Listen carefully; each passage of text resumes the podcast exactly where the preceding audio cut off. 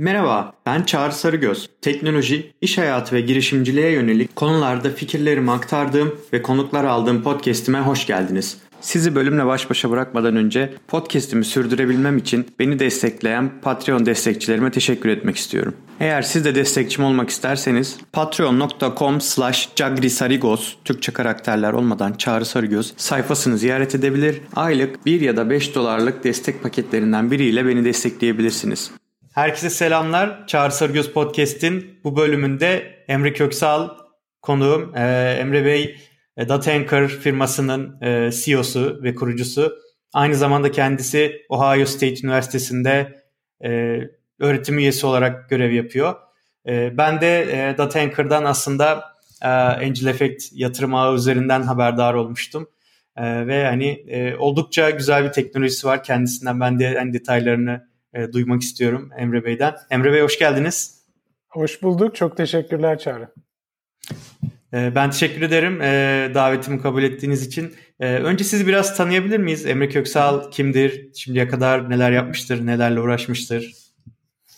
E, tabii ki e, ben 1975'te Ankara'da doğdum. Şimdi yaşımı direkt ilk bilgi olarak yaşımı e, söylemiş oluyorum ama e, Ankara'da doğdum. İlk e, hayatımın 20-21 senesi Ankara'da geçti. E, işte önce e, TED'deydim ilk orta lise. Ondan sonra e, ODTÜ'deydim. ODTÜ Elektronik'te e, e, lisans çalışması yaptım. E, ondan sonra bitirir bitirmez e, Amerika'ya geldim. Bu 1996 oluyor. E, yani ondan beridir aslında Türkiye'nin dışındayım. 1996'dan beridir Türkiye'nin dışındayım. E, işte Amerika'da e, şey için geldim. E, lisansüstü çalışma için. E, MIT'deydim. Bir hem master hem doktora yaptım orada da. Yine elektrik mühendisliği ve bilgisayar bilimleri bir bölüm orada. Benim konularda onların ikisinin birleşimi diyebiliriz aslında. Yani veri üzerine, verinin iletişimi, verinin networking'i, verinin korunması falan onların hepsi birbiriyle ilintili uzaktan da olsa ilintili konular. O konularda işte çalışma yaptım. Çalışma sırasında da bir e, aslında şeyim oldu. Bir girişimcilik e, maceram oldu. Bir benim o sıradaki e, işte çalıştığım insanlardan birisi bir firma kurdu ve de benim master teziyle de bayağı alakalıydı. Sycamore Networks diye. Onlar epey başarılı oldu. Ben de orada bir miktar çalıştım. Çok çok başarılı olur. O zamanlar gerçi farklı zamanlarda bu e, hani internetin yeni popüler olduğu ve de e, yeni kurulan firmaların birkaç ay içinde IPO yaptığı falan e, zamanlardı. Şey, .NET e, Bubble zamanları. Evet, evet. Şey .com aynen Bubble soru. Aynen. Evet, da, da, .com Bubble zamanları aynen öyle. Ve de e, epey başarılı oldu. Ben aslında hani başarı tabii ki çok önemli de ondan ziyade böyle hani bu o ortam, dinamik ortam çok hoşuma gitmişti. İlla ben de yapayım bunu diye düşünmüştüm. Aklımın bir yerinde vardı. Ondan sonra ama mezun olduğum zamanlar tam tersi. Bu e, bubble'ın patladığı zamanlardı. O yüzden e, uygun bir zaman değildi. Ben de akademik olarak devam ettim. İşte İsviçre'de bir, bir buçuk sene kaldım. Orada e, federal yani EPFL ya da ETH diye e, bildiğimiz işte federal e, teknoloji enstitüsünde bir buçuk sene kaldım. Sonra Ohio State'te profesör olarak başladım. E, hala ilişkim var şeyle Ohio State'le ama vaktimin çoğu bu girişimcilik, e, data anchor üzerine e, çalışmalarla geçiyor. Onun dışında kimdir dedin? Ben tabii böyle bir e, bize nerd dedikleri için böyle direkt böyle datadan falan girdim. İşte şu konulara ilgi duyuyorum, şurada çalıştım falan diye anlattım ama e, kişisel olarak da yani evliyim, iki tane kızım var. E, birisi 12 yaşında, birisi 7 yaşında. Maşallah. E, teşekkürler. Şey e, işte bu işlerden arta kalan vaktimde genelde onlarla e, uğraşarak geçiyor. Onlarla aktivite yaparak geçiyor. E, Amerika'dayım, Columbus'ta yaşıyorum şu anda. Zaten firmada Columbus Center. Yani kısaca böyledir. Daha başka bir söyleyeceğim bir şey varsa ya da sormak istediğiniz bir şey varsa cevaplayabilirim. Kişisel olarak yani. Çok teşekkürler. Ee, ben de Ankara'dayım şu an. ODTÜ'de master yaptım. Hani o yüzden ODTÜ mezun olduğunuzu görünce de ayrıyeten böyle bir e, ilişki kurmak istemiştim. LinkedIn'den davet göndermiştim falan. E, çok güzel. E, şimdi ben e, bu e, LinkedIn'inizden hemen hızlıca baktım. Mesela o e, Sycamore Networks'taki o girişimcilikte ilk tanışma zamanınız aslında 98-99 yılına denk geliyor. Aradan bir 10 yıl geçtikten sonra e, çok pardon 20 yıl geçtikten sonra 2018 evet. yılında hani aslında bu e, bir şekilde e, akademik kariyerden e, girişimciliğe kayma e, durumu oluşmuş. Hani burada sizi tetikleyen ne oldu? E, hani bir şekilde onu deneyimlemişsiniz ama 20 yıl gerçekten uzun bir süre. Yani mesela e, girişimciliğin e, çok yükseldiği başka dönemlerde oldu. Mesela dotcom bubble tekrar toparladıktan sonra işte bu Facebook'lar, social network'ler falan zamanı tekrardan bir hızlanma olmuştu. Ee, hani o dönemde siz devam ettiniz şeye e, akademik kariyere. Hani siz iş bu dönemde 2018'de görünüyor. E, 2018'de e, tekrardan Data Anchor e, ile e, girişimciliğe e, atılmanızı, oraya tekrar yüzünüz dönmenizi hani neyi tetikledi?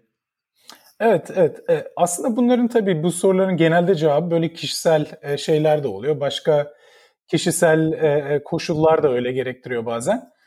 Ama şimdi akademiye girdiğim zaman ya zaten böyle hani sevmediğim bir şey değil. Benim en büyük yani zevk alarak yaptığım şeylerden biri bir şeyi anlamaya çalışmak, derinlemesine mesela. Bu veriyle ilgili problemler, veriyi nasıl kontrol edebiliriz ya da nasıl iletişim kurabiliriz? Yani bu e, temel olarak bir şeyi anlamaya çalışmak e, en büyük zevkim. Dolayısıyla hani akademi e, ya da akademik çalışmalar öyle çok sevmediğim e, e, bir şey değildi. Yani çünkü sonuçta bir özgürlük veriyor insana istediğin konuda istediğinde yani birazcık tabii istediğin konuda derken birazcık belli koşullar da var böyle buna e, kendini e, e, destekleyecek kadar e, finansman falan da bulman lazım. Yani belli stresleri de var bunun öyle oturup e, kafana göre yapamıyorsun ama yine de az çok bir özgürlüğün var böyle kimse sana karışmıyor ne yaptığına, kiminle çalıştığına karışmıyor.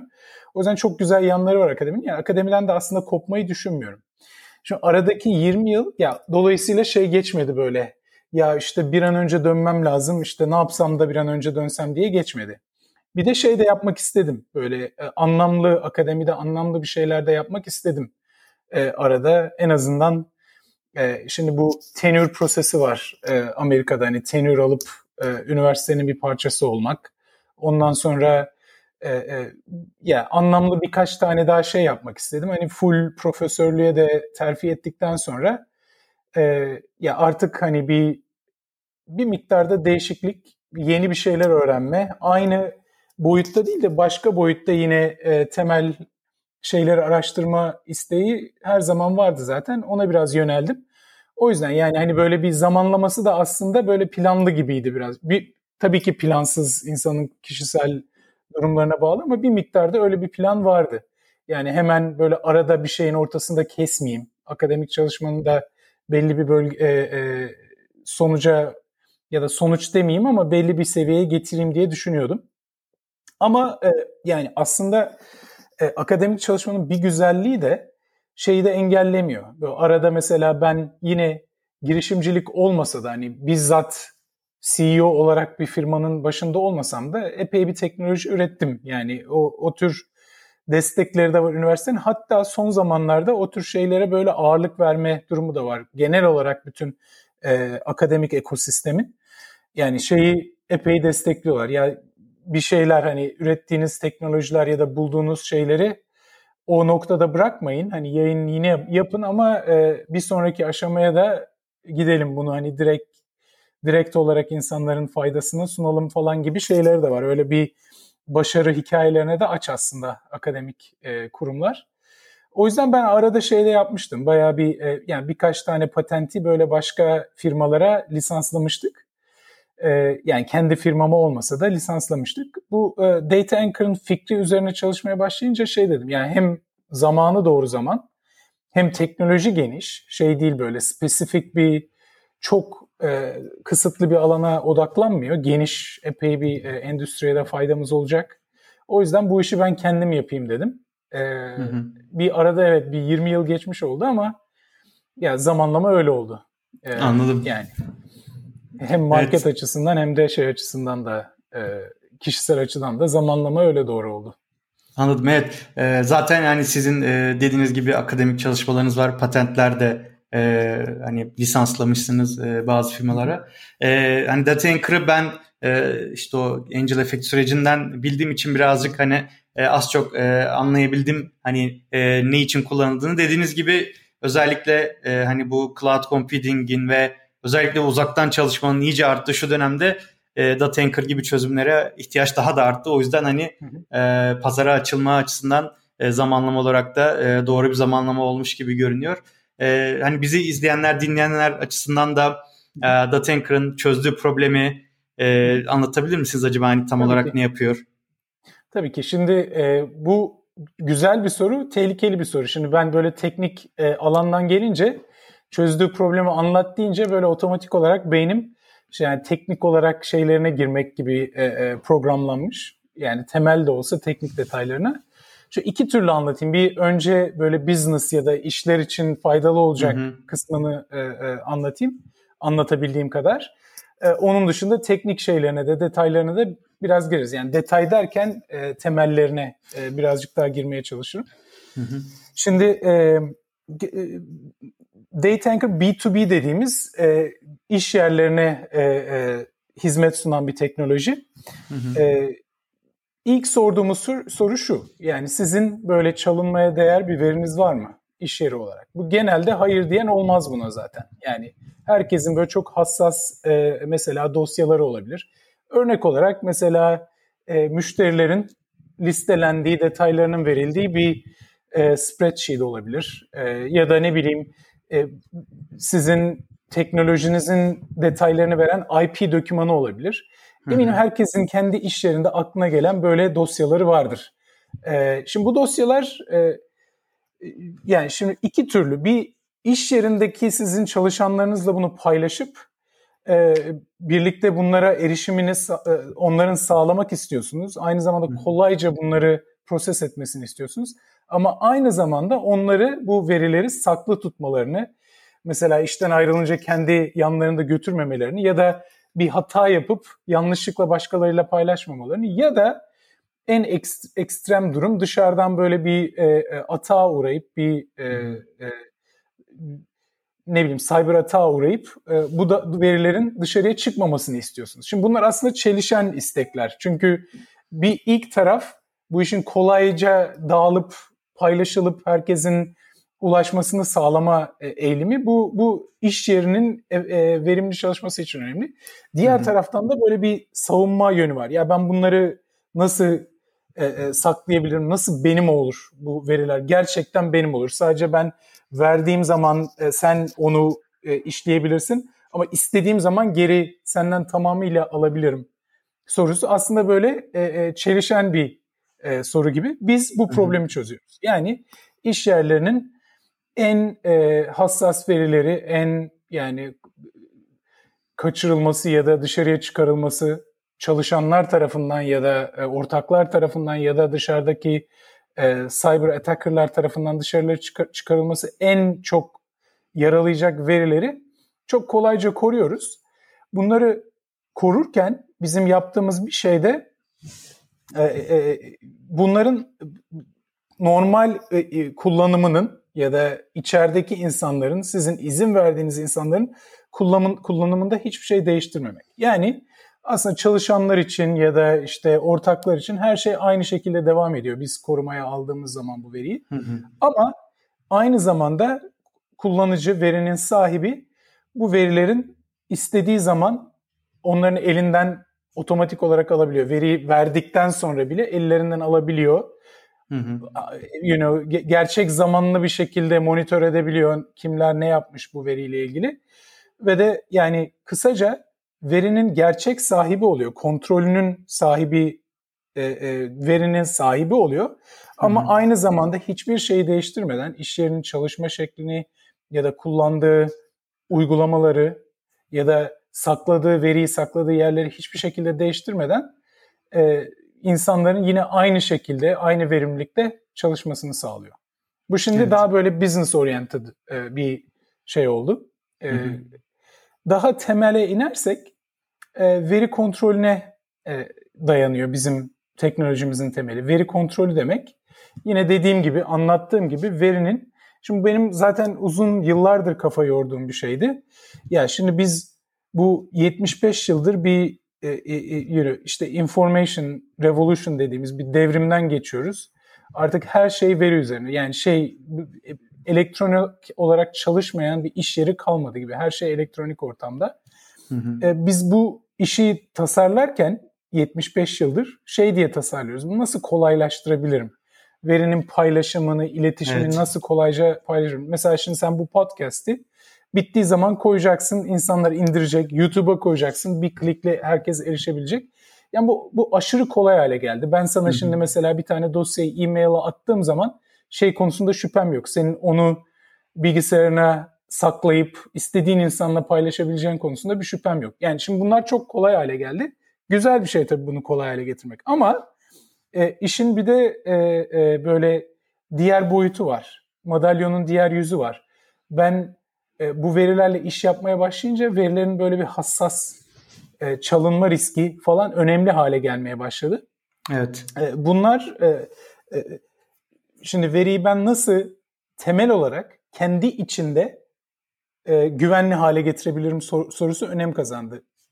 E, senin bu veriden aldığın değeri bozmadan nasıl bunu aynı şekilde güvenli bir şekilde her türlü işlemi yapabilirim sorusu önem kazandı. Yani e, ilk başladığımız noktada bu verileri nasıl paylaşabilirim, nasıl çoğaltabilirim hatasız problemini çözdük. Sonra nasıl internet üzerinden veriyi herkesin ulaşabileceği hale getiririm problemini çözdük. Üçüncü olarak nasıl endekslerim? Mesela Google'dan ben bir şeyi aradığım zaman Emre Köksal kimdir? Bir saniye bile olmadan erişebilme, endeksli bir şekilde problemini çözdük. Daha sonra böyle bunu veriden faydalanmaya başladık. Mesela machine learning ya da e, e, işte artificial intelligence falan bu veriyi kullanıp büyük verileri kullanıp nasıl başka türlü karar verme mekanizmaları oluşturabilirim problemini çözdük. Şimdi kara kara şeyi düşünüyoruz. Ya bu iş kontrolden çıktı. Saklamak istediğim veri bile herkesin elinde artık. Yani bu ataklar da artık inanılmaz bir hal aldı. Böyle işte evet yani şey diye düşünmeye başladık artık bütün organizasyonlar. Ya benim hani verim saklı değil. Herkesin erişiminde. Bu noktadan başlayarak ben nasıl kontrolü geri alabilirim diye düşünmeye başladık. Biz Data Anchor olarak bu problemi çözüyoruz. Yani verinin kontrolünü tekrar verinin sahibinin eline geri verme problemi üzerine yoğunlaşıyoruz. Evet. Evet ben hani sizin e, şeye de bakmıştım hani web siteye ve hani birkaç sunuma. E, orada hani getirdiğiniz aslında inovatif bir çözüm var e, normalde hep işte e, büyük firmalar özellikle ya da işte savunma sanayi şirketleri işte ne bileyim e, böyle gizli projeler geliştiren kurumlar hep böyle kapalı ağlar üzerinde geliş yani e, o bilgiyi saklamaya çalışarak bir şekilde e, gizli tutmaya çalışıyor ya da işte bir şifreli hani böyle bir şekilde zor erişebileceğin yerlerde e, hani bilgisayara böyle bir yazılımlar yükleyerek falan bir şekilde erişimi mümkün mertebe kısıtlamaya çalışıyorlar. E, ama hani ona rağmen dediğiniz gibi işte siber ataklar oluyor ve bunlar e, bir şekilde e, hackerların eline geçebiliyor. Bir de e, özellikle şu dönemde uzaktan çalışmaya bu kadar ihtiyaç duyduğumuz bir zamanda evet. mesela e, bence e, kapalı networklerde çalışmaya zorlayan şirketler sıkıntı da çekti oradaki çalışan insanlar. Ben mesela kendimden örnek vereyim burada. Ben savunma sanayinde çalışıyordum. Ee, ve hani böyle e, güzel e, istediğim bir pozisyondu. Bir yazılım ekibindeydim işte. E, savunma sanayi şirketi ama sivile iş yapıyorduk. İşte ne bileyim yazılım ekibiydi. Orada böyle istediğim güzel bir pozisyon bulmuştum. Pandemi başladı. İşte böyle bir süre evde hiçbir şey yapmadı kimse yani eve gönderdiler bizi. Çünkü şey yok. Ee, hani bilgisayarını alıp çıkarmaya, verini alıp çıkarmaya izin yok. Yani ne yapacaksan tesisin içinde yapman gerekiyor. Hani mesela Data Anchor gibi bir çözümümüz olsaydı e, belki uzaktan çalışabilirdik. Çünkü biz mesela bir yazılım ekibiydik yani gidip orada bir e, fiziki olarak yaptığımız bir iş de yoktu. Bir üretim falan yapmıyoruz yani orada. Ona rağmen çalışamadık yani işte ben sonra uzaktan çalışabileceğim işler aramaya koyuldum. e, çünkü hani Covid açısından da biraz risk grubundayım. e, enfeksiyon kapmamak için. Ve birçok insan da maalesef enfeksiyon kaptı yani e, evet. çağırdılar birçok insanı. E, o yüzden de hani zor bir durum oldu. E, yani keşke böyle bir çözüm olsaydı diye düşündüm. Sonradan evet. işte evet. E, bir şekilde de Tanker'a denk geldim.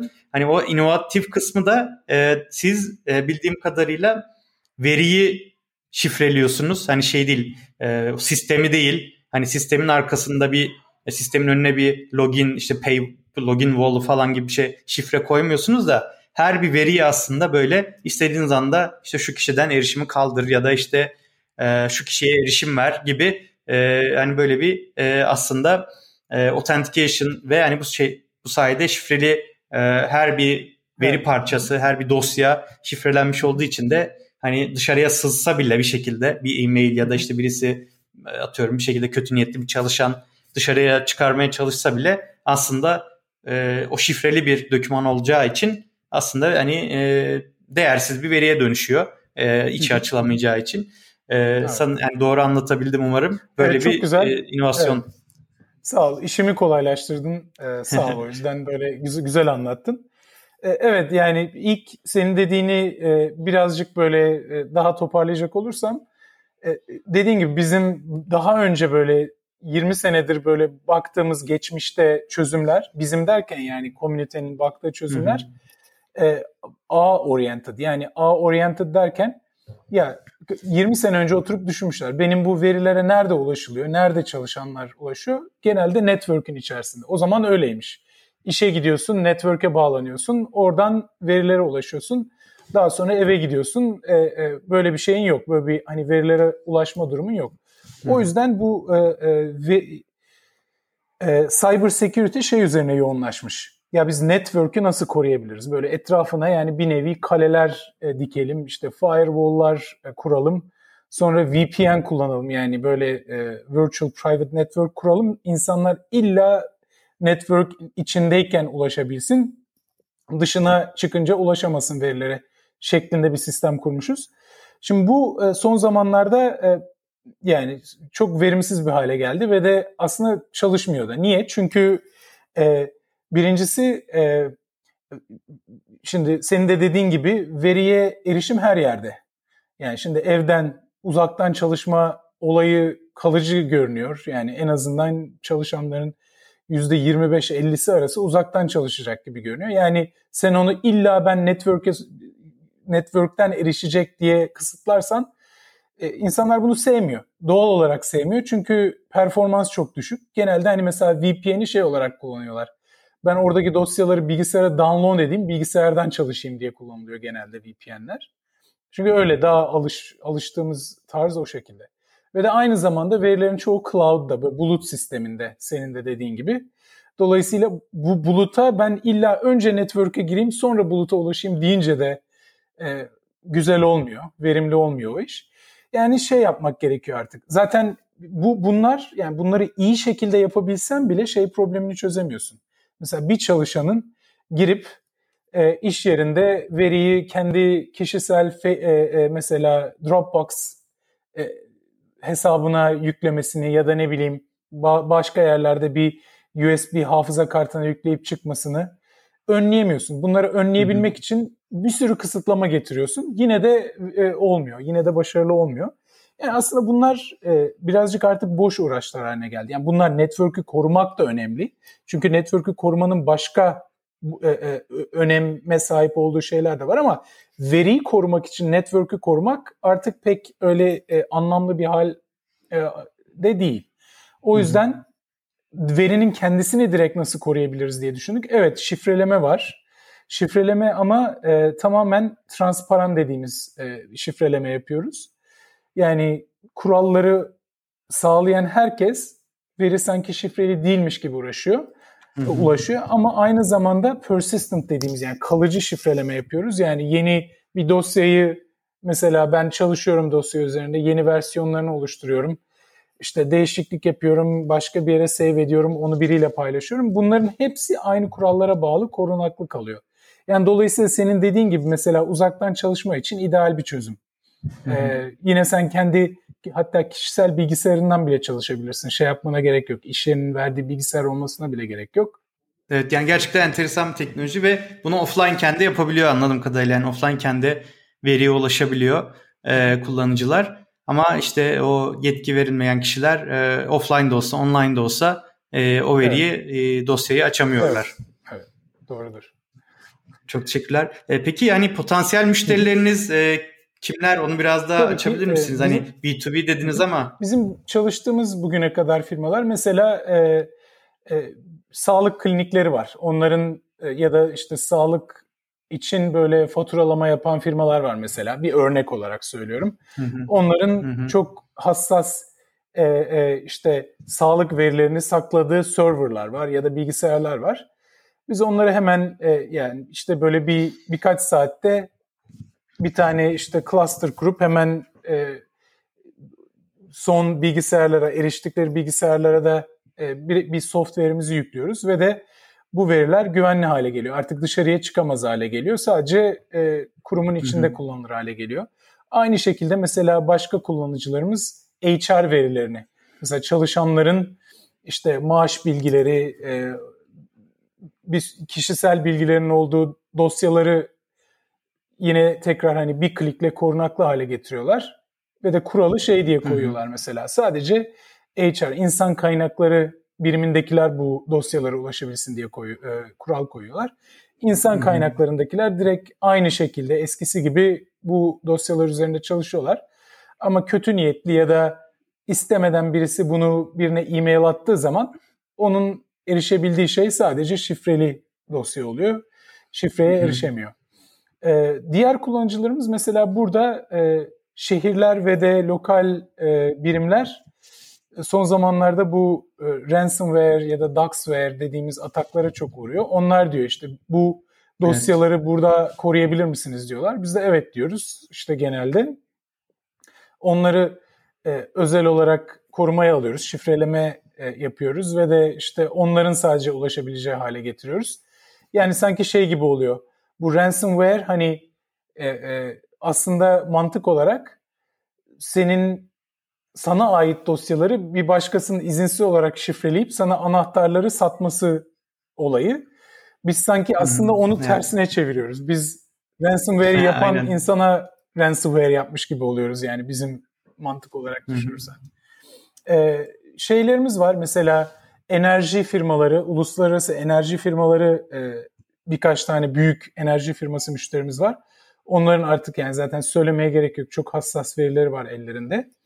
E, ve de şu son zamanlarda mesela savunma sanayiyle kontrat yapan supply chain firmaları dediğimiz firmalar e, onların önemli kurallara uyması lazım. E, o kuralları sağlayacak şekilde onların verilerini saklayabiliyoruz. E, ve de yani en son örnek olarak şey verebilirim, finans firmalarını verebilirim. Finans firmaları da mesela GDPR'a başka e, yeni böyle uyum yasalarına uymak zorundalar. E, ve de bu son yarım saattir bahsettiğimiz problem onlar için önemli bir problem zaten. Ve de onların problemlerini çözüyoruz. Yani bunu bizim bir olayımızda böyle şey değil. Kaynakları illa büyük e, enterprise olması şart değil. Hatta daha ziyade biz küçük firmalarla ve kaynakları kısıtlı firmalarla çalışıyoruz. Bunu bayağı ucuz hale getirdik bu e, korumayı.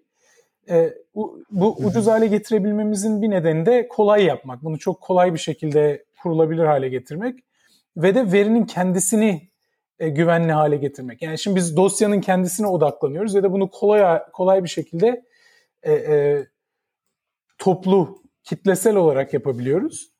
E, yani bir başka mesela çözüm network'ün tamamını korumak zorunda olduğu için daha pahalı ve de daha böyle kaynakları kısıtlı firmalara uymayacak şekilde yapıyor. E, o yüzden bizim şey avantajımız da var. Yani fiyat avantajımız da var. Kullanmak isteyen olursa e, e, epey uygun bence şey için. E, mesela özellikle küçük o kobiler için. Süper. Ee, sanırım evet, kullanıcı başına bir fiyatlama modeliniz vardı değil mi? Hani evet. e, yani şirket büyüdükçe aslında değişen e, kullanıcı başına bir fiyatlama olduğu için e, ağdan bağımsız ya da işte dosya miktarından bağımsız kullanıcı başına e, bir fiyatlama evet. o açıdan küçük firmalara da uygun olabilir. Evet, evet. Yani gündelik böyle sadece 30-40 sente falan geliyor. E, o yüzden Hı-hı. ya epey uygun. E, Yani şeyle evet. karşılaştırırsan mesela Starbucks'tan aldığın bir kahveyle karşılaştırırsan onun böyle onda bir bardak kahveye e, gün bir, bir gün içinde bütün verilerini saklama imkanın falan var gibi görünüyor. Aynen süper. Evet gerçekten öyle. Ee, yani ben de işte bir süre e, siber güvenlik alanında çalıştım. Picos Security'de belki duymuşsunuzdur. Hani onlar e, onların yaptığı daha çok e, hani A ve endpoint güvenliğini böyle e, ataklar simüle ederek e, açıkları ortaya çıkarmak. İşte breach and attack simulation deniyor.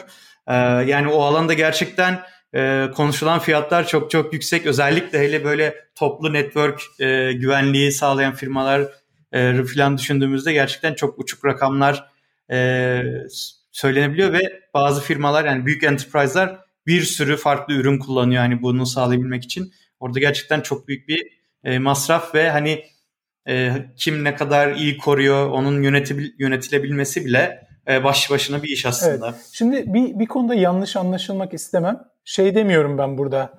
Ya bütün bu network güvenliği çözümlerini çöpe atın, bizi kullanın demek istemiyorum. Onların fonksiyonu ayrı. Sadece demek istediğim şey verileri koruyabilmek için yani network'ü korumak e, e, verimsiz ya da çok e, şey efektif olmayan bir e, e, eğilim. Verilerin kendisini direkt hı hı. olarak korumak çok daha e, e, başarılı, çok daha verimli ve çok daha ucuz e, bir şey veriyi korumak için. Onun dışında hani network'ü korumanın e, önemi azalmış durumda değil. Yani onu yanlış anlama olmasın diye bir e, tekrar e, üzerinde durmak istedim. Evet tabii yani e, mesela e, diyelim ki bir phishing saldırısı oldu e-mail üzerinden işte e, login bilgilerini aldı. Orada hani veri indirmese bile tüm sistemi çökertebilir. Yani bir sürü farklı şey yapabilir e, giren hackerlar. Yani e, sadece veriye ulaşmak e, değil hani bir şey olarak e, zafiyet tek zafiyet boyutu o değil o yüzden. Ama siz o e, özellikle o e, zafiyet yüzeyinde e, o uzaktaki e, çalışanlara, ağ dışında çalışanlara hani çok büyük bir kolaylık e, sağlamış oluyorsunuz. Bir yandan da veri bir şekilde dışarıya sızsa bile e, orada da yine güvenlik sağlamış oluyorsunuz. Gene mesela phishing örneğinden gideyim. E, birisi işte bunu e, ben mesela o phishing şeylerini de bayağı araştırmıştım. Hani mesela özellikle sağlık sektöründen bahsettiniz. Mesela sağlık sektöründe bir başhekim tüm veriye erişim yetkisi var ama yani siber güvenlikten bir haber hani çok doğal bir şey. Onun alanı yani çünkü tıp ve işte oradaki tüm işte yönetimsel işler diyelim ki e, işte bir şekilde o phishing saldırısına uğruyor. E-mailde yanlış bir yere giriyor. İşte hani e, fake bir sayfada e, login bilgilerini kaptırıyor. Sonra tüm bilgiler böyle dışarıya expose oluyor. Ama yani böyle bir durumda bile aslında sizin e, o verileri şifrelemiş evet. e, yani erişimini kısıtlamış olmanız katkı sağlıyor değil evet. mi? Yani database'den bile çekilse bu veriler zaten, öyle bir şey oluyor. Zaten olay o. Yani olay o. Zaten şey değil olay. Böyle bunun dışarıya çıkmasını engellemek değil bizim olayımız. Bunun dışarıya çıkacağı kabulünden başlıyoruz biz bu verilerin. Yani o başhekimin hata yaparak ya da kötü niyetli olarak bunları dışarıya çıkarabileceği ya da dışarıdan atak gelip bu verilerin çekilebileceği kabulüyle başlıyoruz biz. Ya bu zaten bunu engellemek şu dönemde çok da mümkün değil. Yani engellediğini düşünen de yanılıyordur. Bu verilerin dışarıya çıktığını engellediğini düşünen de yanılıyordur. Yani bizim olayımız şeyden başlıyor. Bu veriler dışarıya çıksa bile nasıl güvenli halde kalabilir? Ee, sorusuna cevap arayarak başlıyor bizim olayımız. Yani bizim çözdüğümüz problem o aslında. Mesela işten ayrılacağım yarın. Bütün e, şeye gireceğim mesela rakip firmaya gireceğim. Ya bütün bu e, e, şu anda çalıştığım firmanın müşteri detaylarını e, bir yere save edeyim de öyle gideyim mesela düşüncesi. Hakikaten o da, dosyalara erişiyorum. Diğer her yere de save ediyorum. Sonra onu götürüyorum, evde bakıyorum ama bir bakıyorum sadece şifreli haline erişebiliyorum.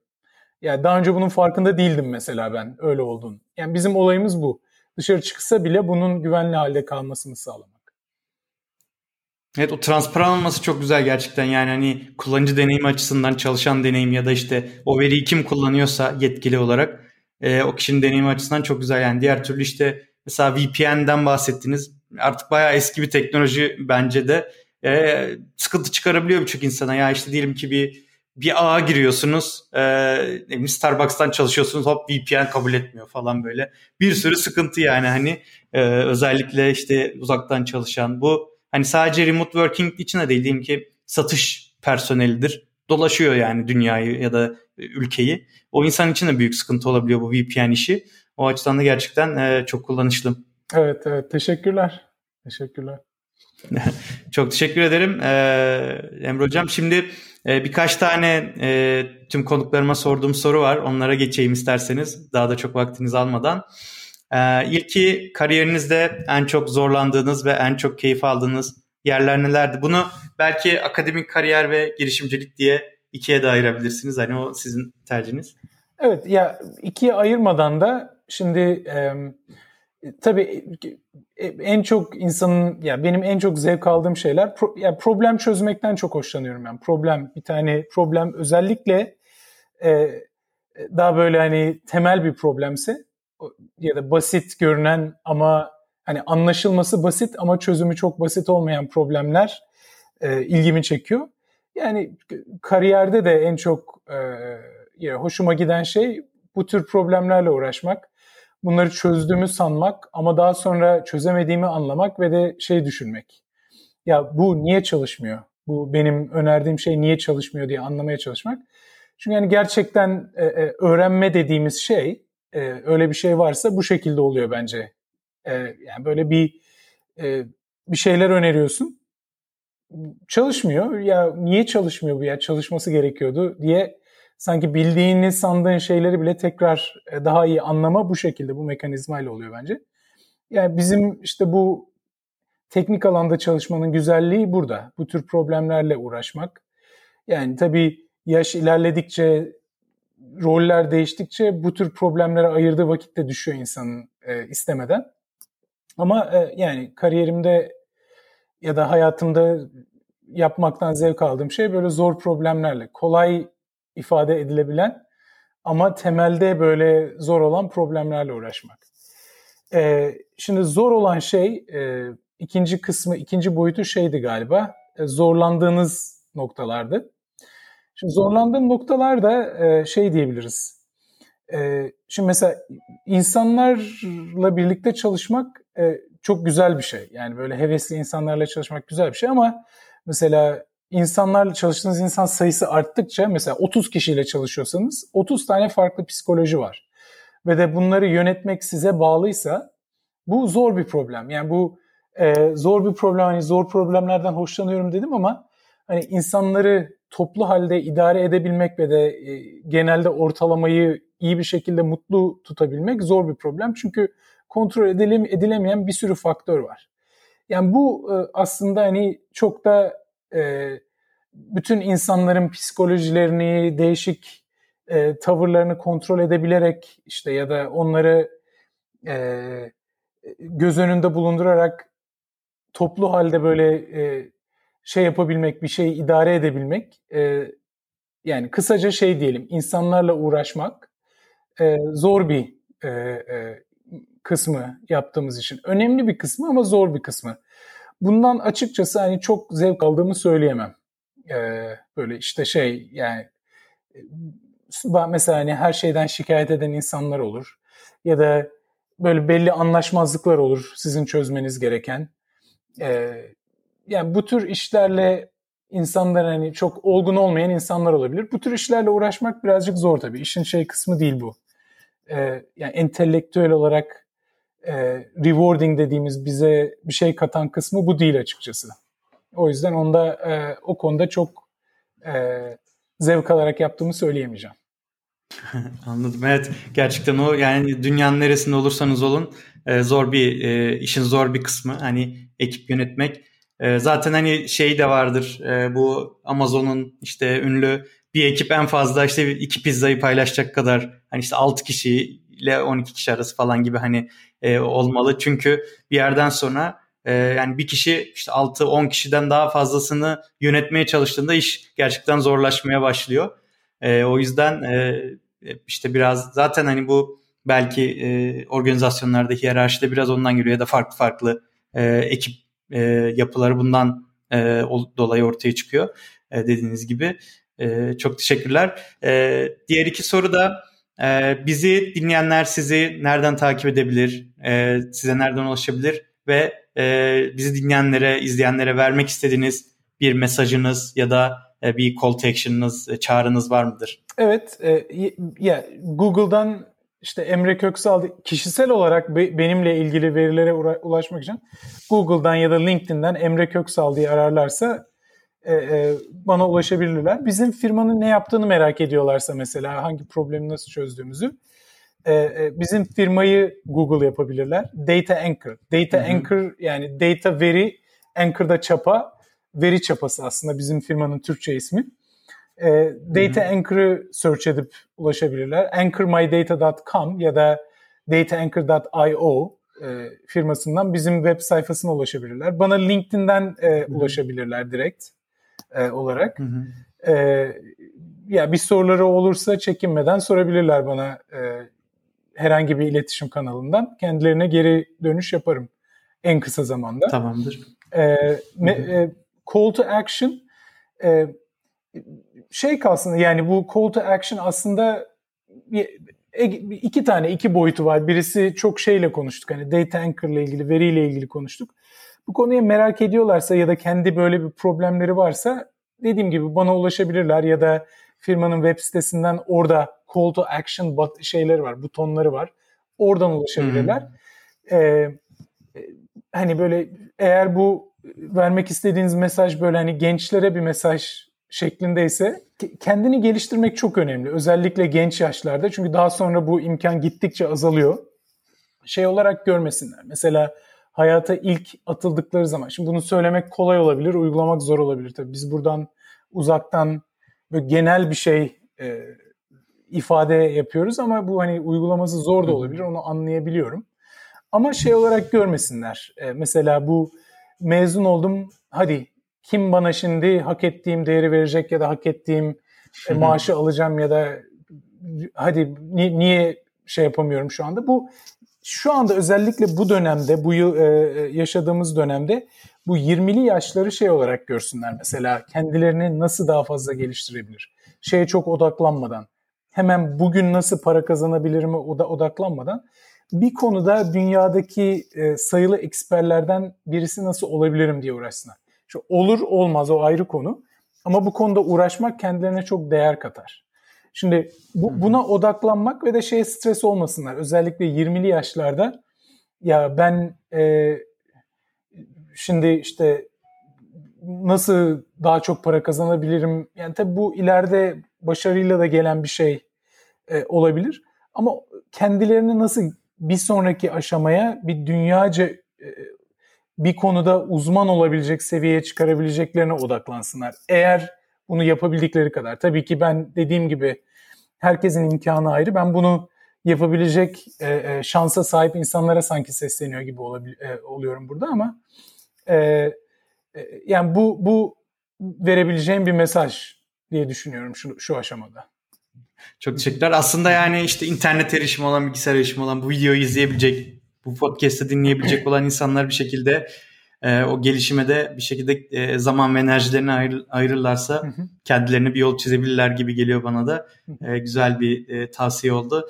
Çok teşekkür ederim konuk olduğunuz için. E, umarım e, Data Anchor'ın e, daha güzel haberlerini de duyarız. Hani bunlar olduğunda da tekrar konuk almak isterim Tabii sizi. Ki, memnuniyetle. Çok teşekkürler ben tekrardan. Ben teşekkür ederim. Çok da sağ ol. Görüşmek üzere. Görüşmek üzere. Dinlediğiniz için teşekkürler. Podcast'imi takip etmek için şu an beni dinlediğiniz platformda ücretsiz abone olabilir. çağrısarıgöz.com slash podcast sayfasına gidip dilediğiniz platformda abone olma seçeneklerini görebilirsiniz. Yorum ve görüşlerinizi Apple Podcast ya da Ekşi Sözlük üzerinden Çağrı Sarıgöz Podcast başlığına yazabilirseniz çok sevinirim. Ayrıca yine yorum ve görüşlerinizi beni dinlediğiniz platform üzerinden yorum yazarak ya da merhaba et adresine e-mail atarak bana ulaşabilirsiniz. Bir sonraki bölümde görüşmek üzere, hoşçakalın.